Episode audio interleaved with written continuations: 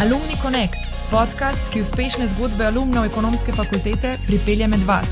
Ne zamudi in se pokonektaj z nami. Dobrodošli v današnji epizodi Alumni Connect podcast. Današnji gost je Domen Jere, soustanovitelj podjetja IC Global, ki je v Slovenijo pripeljalo plačilno metodo Alipay. Tisti, ki ste bili že na kitajskem, veste, da je Alipay poleg WeChat Pay skoraj edina plačilna metoda in nekje dejansko sploh ne uporabljajo gotovine. Verjetno ste tudi že ugotovili, da se bomo danes pogovarjali o medkulturnih razlikah med Slovenijo in Kitajsko, tokrat iz slovenskega stališča. Dumen živijo. Eh, tvoje celotno življenje je ekstremno povezano s Kitajsko, od študija do kasneje poslovne poti. Pa mogoče začniva na začetku. Uh, ti si študiral na Kitajskem leta 2015. Zakaj Kitajska? Zakaj recimo, se nisi odločil za izmenjavo katerih evropskih držav, ki so recimo bolj popularne? V bistvu enkrat sem bil na predavanju tukaj na ekonomski fakulteti, ki je imel predavanje en kitajski profesor. In takrat je razlagal, da Kitajska je bila pred letom 1800 ustvarjala eno tretjino svetovnega BDP-ja.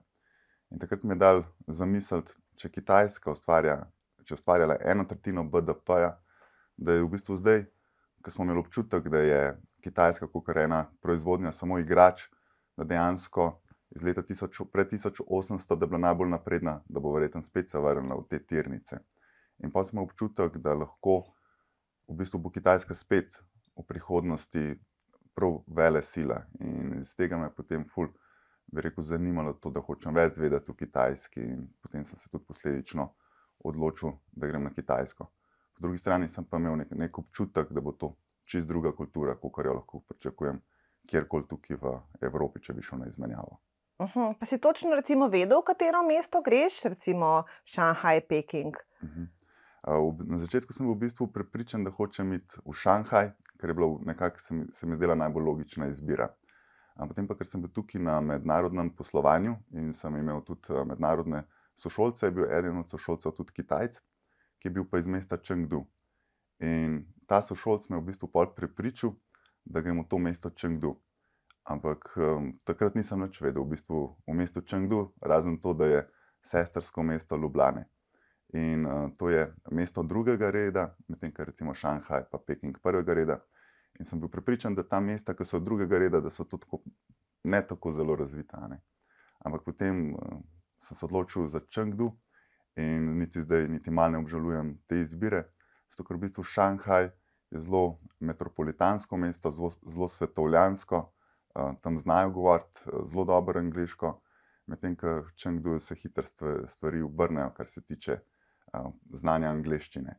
Je pa ena velika prednost Čengduja, reč v bistvu mesto, ki je čist na jugo-zahodu Kitajske. In ena prednost Čengduja je to, da je zelo bolj tradicionalno kitajski, tako da sem lahko tam izkusil res tisto pravo kitajsko, ki v bistvu ne bi mogel izkusiti v Šanghaju. Uh. -huh. Kaj pa recimo prednosti šel na Kitajsko, si se kaj učil kitajščino in v bistvu, kakšna so bila v bistvu tvoje pričakovanja no, od Kitajske?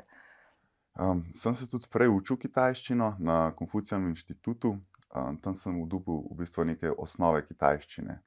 In ko sem prišel na Kitajsko, sem zdaj mislil, kako že znam kitajsko. In ker tukaj smo se učili nekih osnovnih stvari, recimo tudi kar se tiče hrane.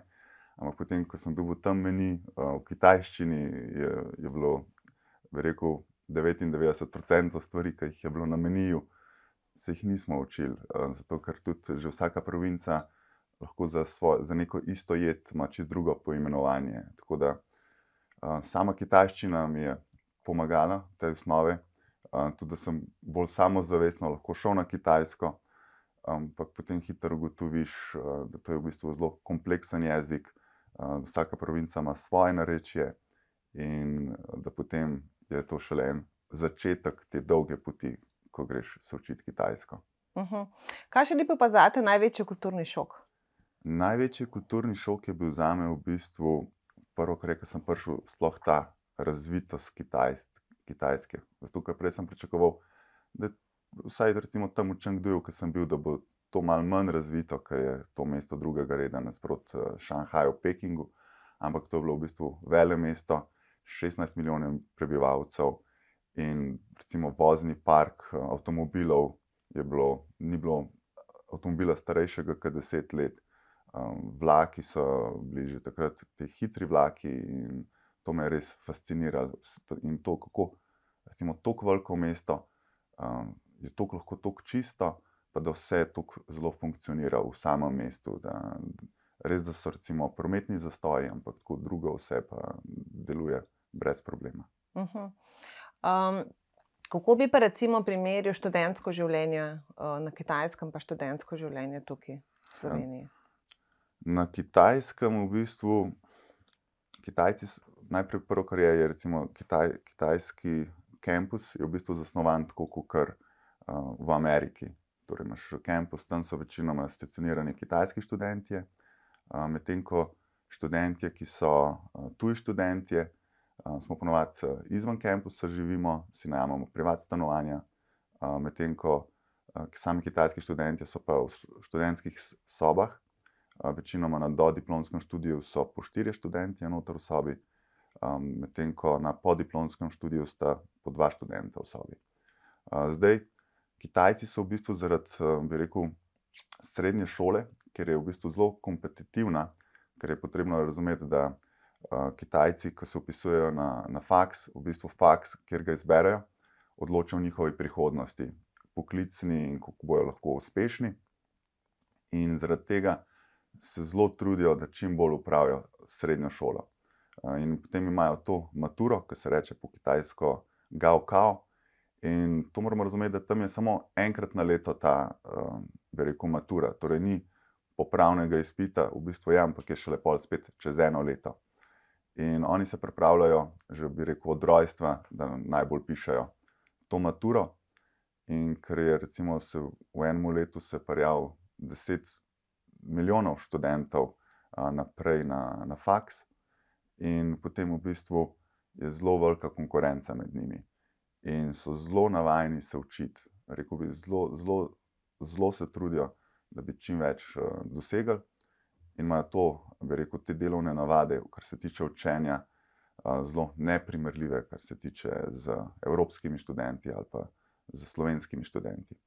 Tako da tam, recimo, kaj knjižnica v nedeljo zvečer, bo še vedno polna študentov, ki študirajo.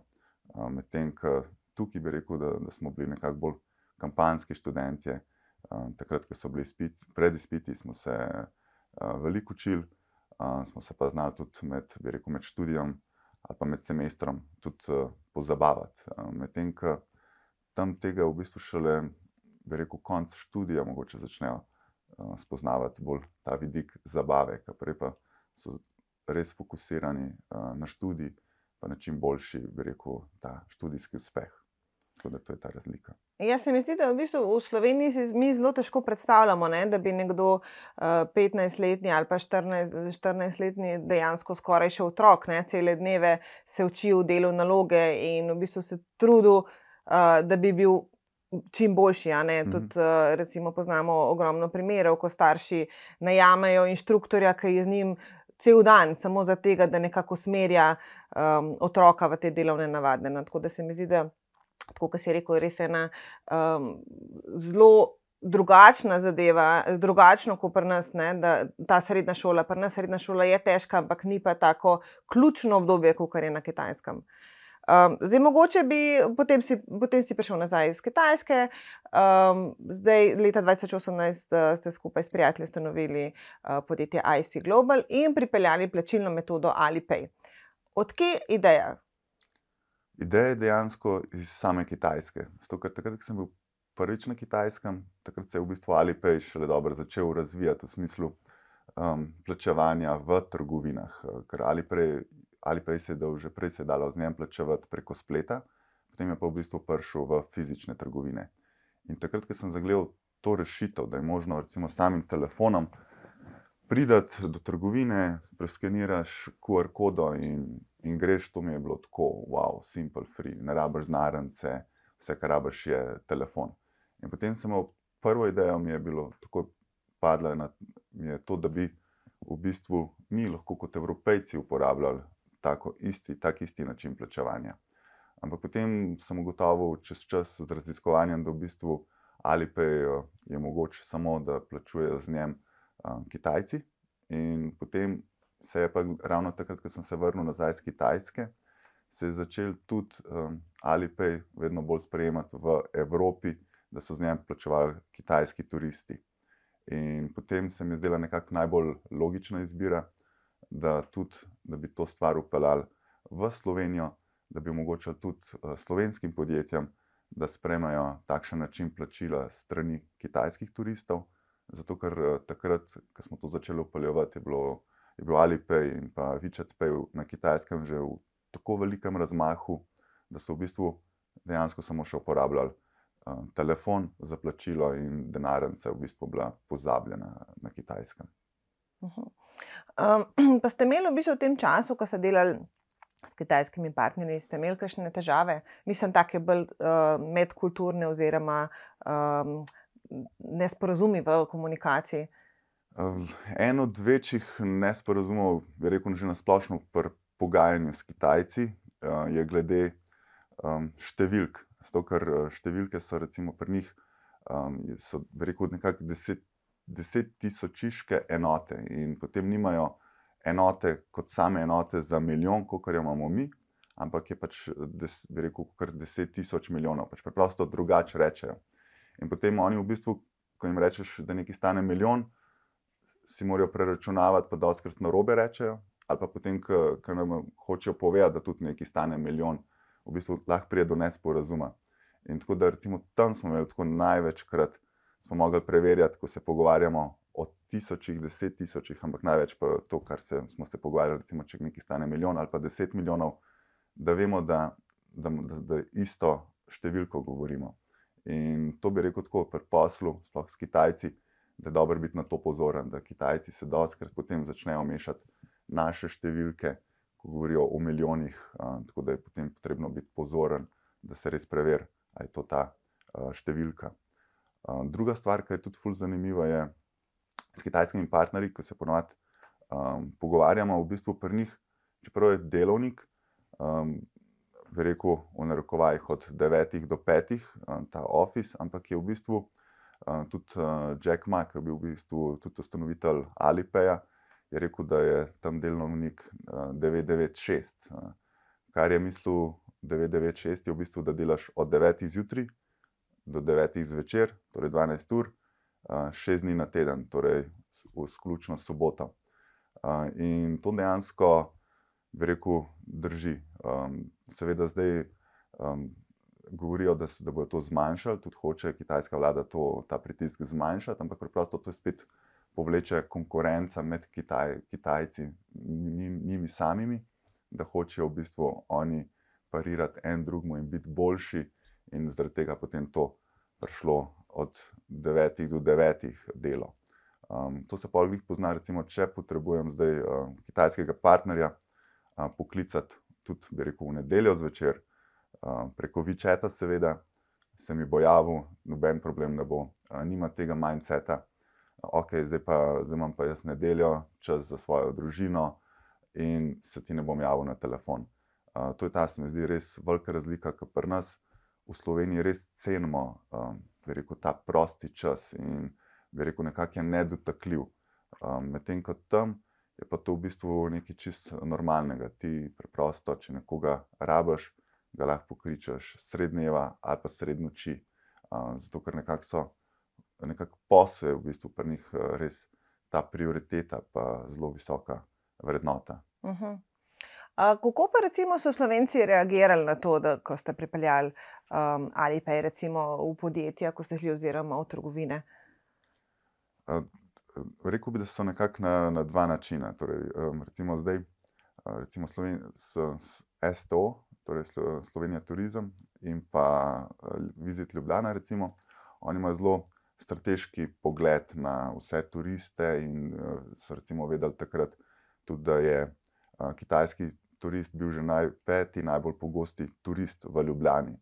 In oni so v bistvu sprejeli tak način zelo odprtih rok, torej da hočemo upeljati takšen plačilni sistem. Medtem ko bi rekel, manjša podjetja, pa v bistvu niti niso seznanjena z tem, ali pride nek azijski turist do njih, ali je to japonski turist, ali korejski turist, ali kitajski turist. Ker ena glavnih značilnosti je, da, da je to zelo, zelo imajo različne navade, kar se tiče nakupovanja, in pa tudi, seveda, glede plačila. Zato, ker v bistvu ravno na kitajskem je najbolj značilno to, da Kitajci hoče plačati s telefonom in da je navaden poskenirati QR kodo. Um, tako da zdaj bi rekel tako, poslovneži in pa lastniki podjetij, ki so bolj mlajši generaciji, ki sem mu rekel, ok, zdaj bo prišel uh, do tebe kitajski turist in bo poskeniral QR kodo in to bo plačilo na mesto klasične, da povleče s kartico, um, je to razumel um, se mu zdelo, da okay, je to napredna tehnologija, na tak način uh, delujejo. Um, Medtem, če sem prišel do nekega starejšega lastnika, starejše generacije, uh, se mi je pa to zdelo v bistvu kot da je nek science fiction, uh, kot uh, v bistvu. Um, da to sploh za kaj takega ne more biti res, v bistvu, da lahko je pač preprosto eno QR kodo, uh, se poskenira in čez čas bo imel on nakazan uh, denar na svojem poslovnem računu, od kitajskega turista. Uh, tako tudi uh, takrat se je v bistvu, takrat, ko smo to upeljevali še prej, pred torej, um, Evropskim prvenstvom. In mi smo že mislili, v bistvu, da Alipay je dosti poznan uh, v Evropi, iz razloga, ker, v bistvu, ker bo bil sponzor v tistem času uh, tudi na uh, nogometnem Evropskem prvenstvu. Ampak se je potem izkazalo, da dejansko uh, skoraj noben v Sloveniji ne pozna Alipaya kar nam je bilo v bistvu potem še dodatni izziv, uh, ker nekako smo mislili, da, da, da je že znan med ljudmi in da bo potem to sprejetje toliko lažje. Uh, tako da smo pa tudi uh, poleg, bi rekel, samega posla, mogli uh, vložiti tudi veliko um, v to, da izobrazimo sploh uh, naše stranke, kaj je Alipay kot uh, sam po sebi. Uh, potem, seveda, ko so enkrat uh, ko so sprejeli Alipay, so potem takoj lahko videli pozitivne učinke, ki jih prinaša sama plačilna metoda, v smislu, da je bil zelo preprost za uporabo za, za same te uh, poslovneže. In pa potem, da ko je prišel Kitajec, da je v bistvu lahko kitajski turist, da je lahko uh, veliko več zapravil in dejansko tudi zapravil na takšen način, kot je njemu najbolj ustrezen. Tako da uh -huh. to je bilo tako pozitivno. Pa misliš, recimo, da lahko kdaj v Sloveniji pride do tega, recimo, ko na kitajskem, da uporabljamo samo take plačilne metode, da ne bo gotovine. Recimo, jaz na kitajskem sem imela to izkušnjo, ker sem v bistvu hotela kupiti vodo, uh, pa jo nisem mogla, ker nisem imela ne Vičet, peja, ne Alipeja in sem v bistvu vsa nesrečna bila, ker tudi. Ena trgovina, recimo, ni sprejemala gotovine. Ampak misliš, da, da je v Sloveniji, recimo, so predispozicije, da nekoč kaj takega v bistvu tudi nas doletino? Rekl bi na, na zelo dolgi rok. Na kratki rok, bolj ne mogoče. Zakaj ne? Zato, ker v bistvu mi tudi takrat, ko smo začeli z Alipayom, smo v bistvu priporočali sploh gostincem, da bi imeli QR kodo na mizi, kjer bi jo v bistvu lahko potem kitajski turist poskeniral in bi v bistvu naredil vso vsebino menija v kitajščini in bi bilo lahko potem ta meni tudi fulaži prilagajati, zato ker ni ti potrebno vedno novo, na novo printati menija, če pride do spremembe. Ampak takrat se je to njim zdelo, ne, ne bomo. Tako da šele korona je prinesla to, da smo tudi v Sloveniji sprejeli, da je nekaj normalnega poskenirati QR kodo, kar se tiče menija. Zdaj, recimo, opažam, recimo, jaz vedno probam, uporab, probam uporabljati QR kodo, kjer se le da. Tako da recimo tudi uh, plačujem na petrolu z QR kodo, ker je možno takoj upraviti uh mhm. -huh. plačilo in oditi. In nekako bi rekel, da vsem slovenci še nismo navajeni te QR kode, tok, ker recimo drugače pol, bi rekel, ne bi bilo toliko vrste, takrat, ko so bile še te koronske omejitve, um, da ljudje čakajo pred uh, petrolom, da grejo noter plačati, ker lahko v bistvu posvojijo QR kodo, poskenirajo tam, kjer so točili gorivo, in v bistvu grejo naprej. Kar se pa tiče samih plačil, to je tudi en velik premik, v bistvu, da Kitajci niso tudi toliko uporabljali samih bančnih kartic in so v bistvu naredili skoraj preskok iz gotovine direktno na plačevanje s QR kodom. Uh, Medtem ko v Sloveniji smo pa v bistvu že nekaj časa uporabljamo uh, razno razne bančne kartice in je potem ta uh, premik mogoče bolj počasnejši.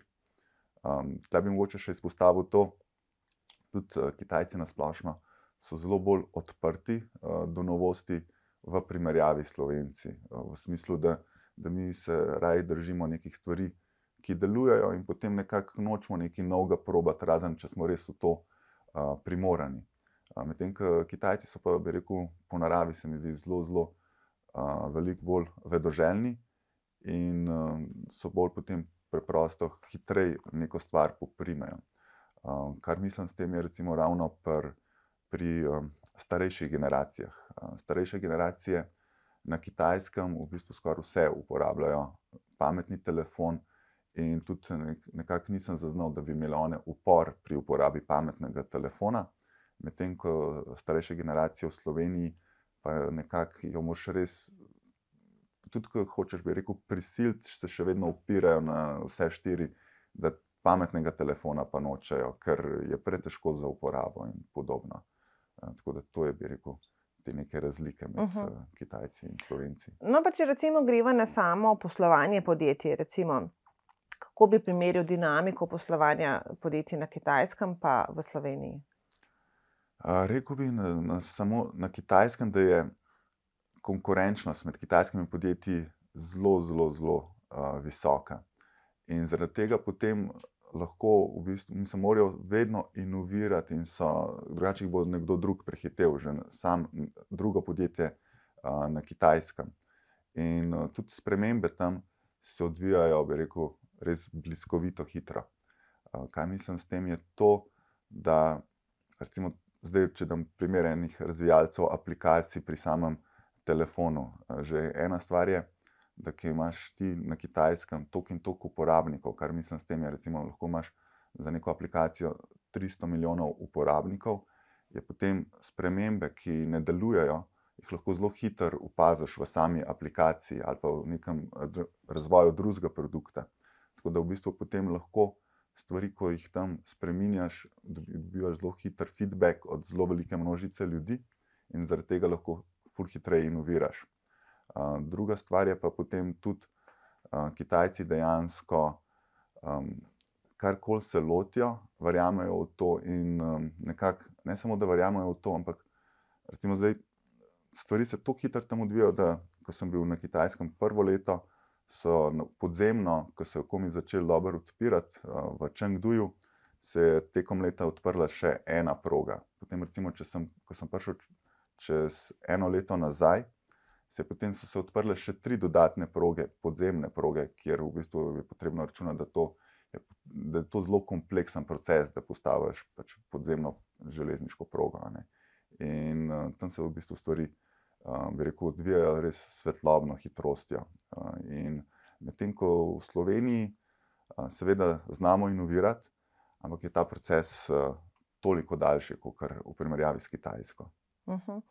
Kaj pa recimo, jaz sem v bistvu opazila v teh storitvenih dejavnostih, uh -huh. ne, mhm. da je recimo, veliko več osebja. Ne, recimo, ko greš v restauracijo, pri nas je eden, ki pospravlja, ki streže, ne, pri njih je pa to precej drugače, mogoče še iz tega vidika. Uh, Ja, tam je v bistvu zelo eh, razdeljeno. Prvo, kar je, eh, tam vlada zelo velika hierarhija.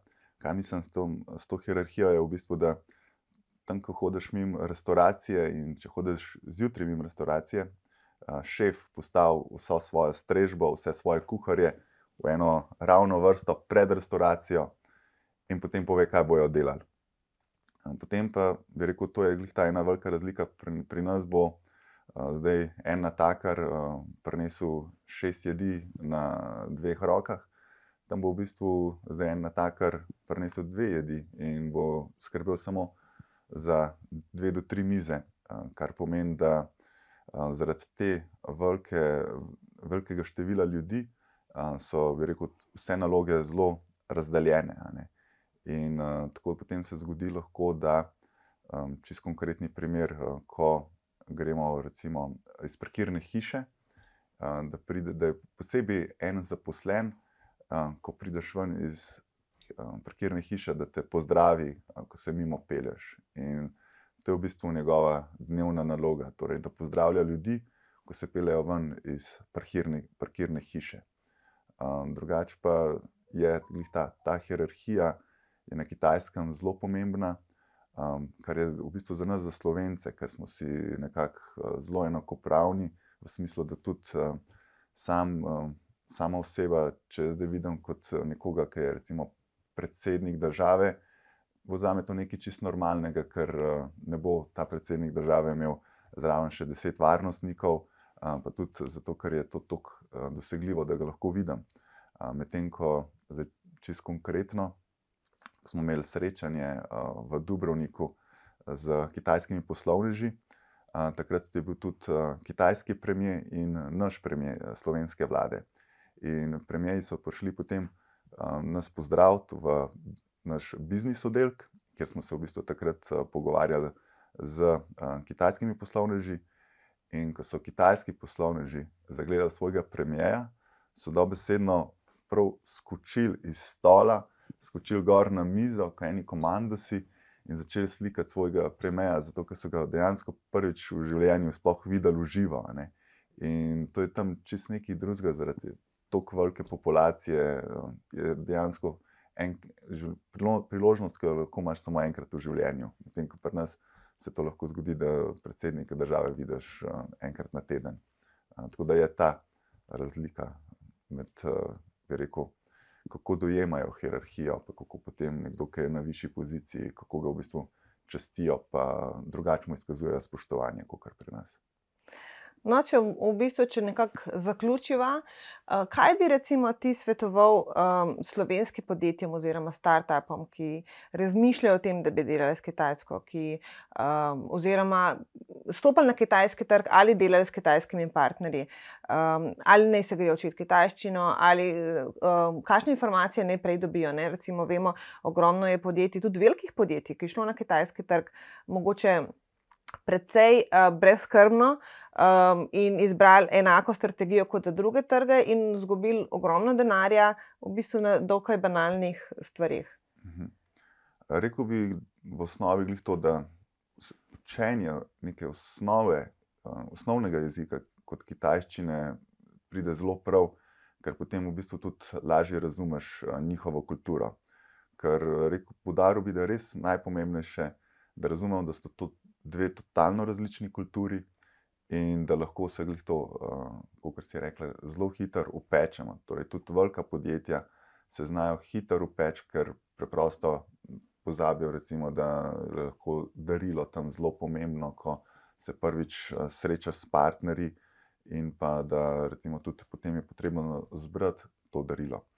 Um, lahko dam čisto en tudi uh, konkretni primer, recimo, kako sem skoraj tudi sam, po pol leta že bivanja na Kitajskem, sem nekako imel sebe, da razumem to kulturo. Um, sem recimo, je ena kitajska prijateljica mi je kupila karto za vlak, ki je stala okoli 230 RMB-ov, in potem sem v bistvu jaz nekaj hotel vrniti in sem jih hotel vrniti um, preko drugega prijatelja, da je bo to dal. Um, dvest, sem rekel, da bom dal 250, ker pač, da zaokrožam na, na, na to.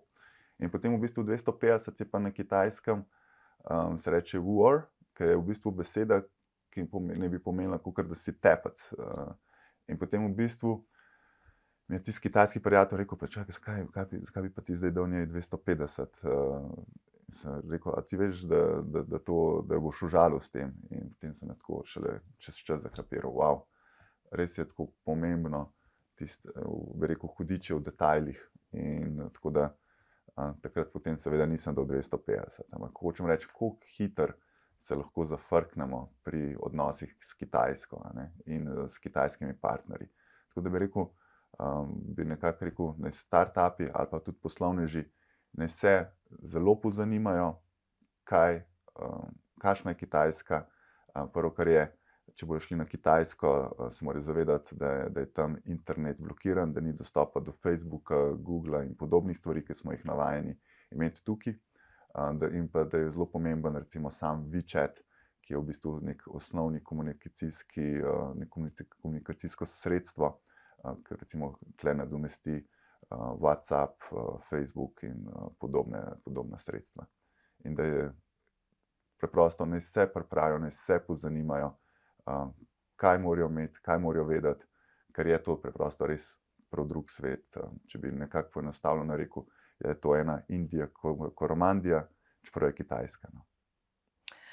Domen, tema je res zelo zanimiva in mislim, da absolutno um, nimamo dovolj časa, da bi, da bi poudarila vse medkulturne razlike. Mislim, da nekako se strinjava s tem, da je enoten stavek, ki rečemo, da Kitajska je res drugačna. In uh, jaz se zahvaljujem, da si, dana, da si moj današnji gost in ti želim še veliko uspeha tudi naprej. Hvala za povabilo, Darja. Bilo je res užitek uh, govoriti o Kitajski in upam tudi, da naši, vaši gledalci bodo kaj več odnesli, kar se tiče Kitajske. Hvala lepa. thank you